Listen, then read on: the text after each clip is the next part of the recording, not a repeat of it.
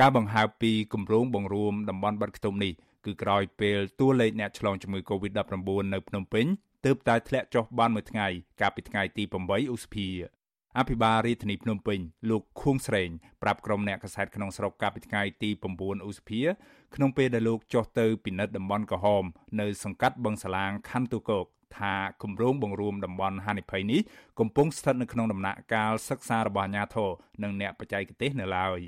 តែយ៉ាងណាលោកអះអាងថាក្រោយការបង្រួមនេះរួចហើយអាជ្ញាធរនឹងនៅតែបន្តបិទគប់យ៉ាងតឹងរឹងដដែលនៅក្នុងទីតាំងក្រហមនោះ។ ខ្ញុំកំពុងតែវាតម្លៃជាមួយនឹងអ្នកបច្ចេកទេសហើយខ្ញុំកំពុងតែមើលសម្លឹងថាតំបន់កំហុងកំពុងតែទ្រាំម្សិលមិញនេះនៅរាជធានីភ្នំពេញអ្នកឆ្លងជំងឺមានតែ200ជាងទេចុះពី500មក200ជាងនេះជាចំណុចមួយដែលយើងទទួលបានជោគជ័យហើយខ្ញុំកំពុងតែមើលកិច្ចការងារនេះឲ្យបង្រួមពីសង្កាត់ឲ្យមកភូមិពីភូមិឲ្យទៅតាមភ្នំផ្ទះចំណុចកំហុងខ្ញុំនឹងផ្ទះដាក់តាមភ្នំផ្ទះទៀតហើយបើកទលាយភូមិនឹងឲ្យធ្វើដំណើរប៉ុន្តែយើងឃ្លុំបែផ្ទះណាដែលមានអ្នកជំងឺដើម្បីយើងតាមដានជំងឺបន្តទៀតកំពុងតែសិក្សានេះនៅពេលបញ្ចប់ខ្ញុំនឹងផ្សាយបញ្ហានេះតួលេខអ្នកឆ្លងជំងឺ Covid-19 នៅភ្នំពេញ បានធ្លាក់ចុះកាលពីថ្ងៃទី8ឧសភាមកនៅត្រឹមជាង200នាក់នេះជាតួលេខធ្លាក់ចុះដំបូងបំផុតចាប់តាំងពីរដ្ឋាភិបាលបានដាក់បំរាមបិទគប់ក្រុងរួចមក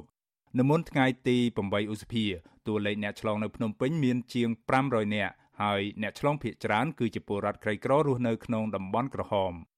អាស៊ីសេរីមិនអាចសុំការបញ្ជាក់ពីអ្នកនាំពាក្យសាលារាជធានីភ្នំពេញលោកមេតមាសភក្តីនិងប្រធានមន្ត្រីសុខាភិបាលរាជធានីភ្នំពេញលោកងីមានហេងបាននៅឡើយទេនៅថ្ងៃទី10ឧសភាដោយពួកលោកមិនលើកទូរស័ព្ទ ក៏ប៉ុន្តែលោកមេតមាសភក្តីបានប្រាប់សារព័ត៌មានក្នុងស្រុកថាអាញាធរក្រុង កំពុងតែអាចគ្រប់គ្រងបានការឆ្លងរាលដាលនៃជំងឺ Covid-19 ដោយលោកអះអាងថាករណីថ្មីកើតមានតែនៅក្នុងតំបន់ក្រហម និងមិនរាលដាលដល់តំបន់ដទៃនោះទេ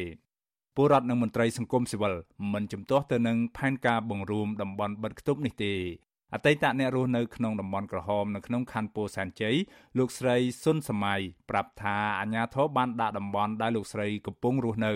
ជាតំបន់ពណ៌លឿងវិញលោកស្រីថាពេលនេះអ្នករស់នៅតាមបន្ទប់ជួលភ ieck ច្រើនអាចដើរហើរនិងទៅផ្សារទិញម្ហូបបានក៏ប៉ុន្តែអ្នកខ្លះគ្មានលុយទៅផ្សារដោយសារតែអត់ចំណូលមួយខែមកហើយ។ លោកស្រីសុនសម័យយល់ស្របចំពោះការបង្រួមតំបន់ក្រហមនេះព្រោះពួកគាត់អាចធ្វើដំណើរចេញក្រៅផ្ទះបាន និងអាចរកបេះបន្លែក្បែរផ្ទះបរិភោគបានទោះយ៉ាងណាលោកស្រីនៅតែមិនទាន់ហ៊ានដើរឆ្ងាយពីផ្ទះនិងជួបជុំអ្នកក្បែរខាងនៅឡើយទេ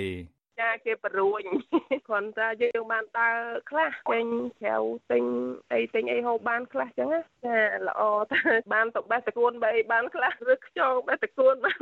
អារម្មណ៍ដែរហ្នឹងចេះតែខ្លាចដែរហ្នឹងអត់ហ៊ានទៅណាដែរទោះបីគេបើកតែក៏យើងអត់ទៅហ៊ានដើរចឹងទៅណារីឯប្រធានសមាគមឯករាជ្យនៃសេដ្ឋកិច្ចក្រៅប្រព័ន្ធ លោកវុនពៅស្វាគមន៍ផែនការបង្រួមតំបន់បិទខ្ទប់នេះឲ្យតូចបំផុតដើម្បីជាប្រយោជន៍ដល់អ្នកប្រកបរបរក្រៅប្រព័ន្ធនិងពលរដ្ឋក្រីក្រទាំងអស់លោកស្នើថាបន្ថែមពីលើវិធានការនេះអាជ្ញាធរគួរបង្កើនការផ្សព្វផ្សាយឲ្យបានច្រើនបន្តទៀតហើយអាជ្ញាធរក៏គួររៀបចំឲ្យពលរដ្ឋមានលទ្ធភាពរក្សាគម្លាតសុវត្ថិភាព និងខិតខំប្រឹងប្រែងទប់ស្កាត់កុំឲ្យកើតមានការឆ្លងព្រឹត្តិការណ៍សហគមន៍ជាថ្មីទៀត រដ្ឋត្រូវមានអភិបាលកិច្ចមានន័យថាការសហការរវាងរដ្ឋនឹងហើយនឹងស្ថាប័នសង្គមស៊ីវិលឬក៏ភាគីដទៃទៀតដើម្បីកុំឲ្យមានព្រឹត្តិការណ៍ស្អីបន្ថែមទៀតពីព្រោះព្រឹត្តិការណ៍កន្លងមកដោយសារជាការធ្វើប្រហែសរបស់អាជ្ញាធរតែម្ដងបាទទោះយ៉ាងណាពលរដ្ឋនិងមន្ត្រីសង្គមស៊ីវិលមិនអាចវាតម្លៃថាស្ថានភាពជំងឺ Covid-19 នៅភ្នំពេញថយចុះពិតមែនឬយ៉ាងណានោះទេ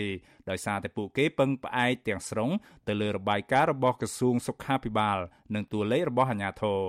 ចំណែកឯពលរដ្ឋខ្លះទៀតយល់ថាអាញាធរបង្រួមតំបន់ក្រហមនេះព្រោះខ្វះលទ្ធភាពផ្ដល់ស្បៀងអាហារឲ្យពលរដ្ឋនៅក្នុងពេលដែលអ្នករស់នៅក្នុងតំបន់បិទខ្ទប់នាំគ្នាស្រែកដង្ហើយរោគអំណោយស្ទើររាល់ថ្ងៃដោយសារដាច់ស្បៀងខ្ញុំបាទមេរិតអាស៊ីសេរីរាយការណ៍ពីរដ្ឋធានី Washington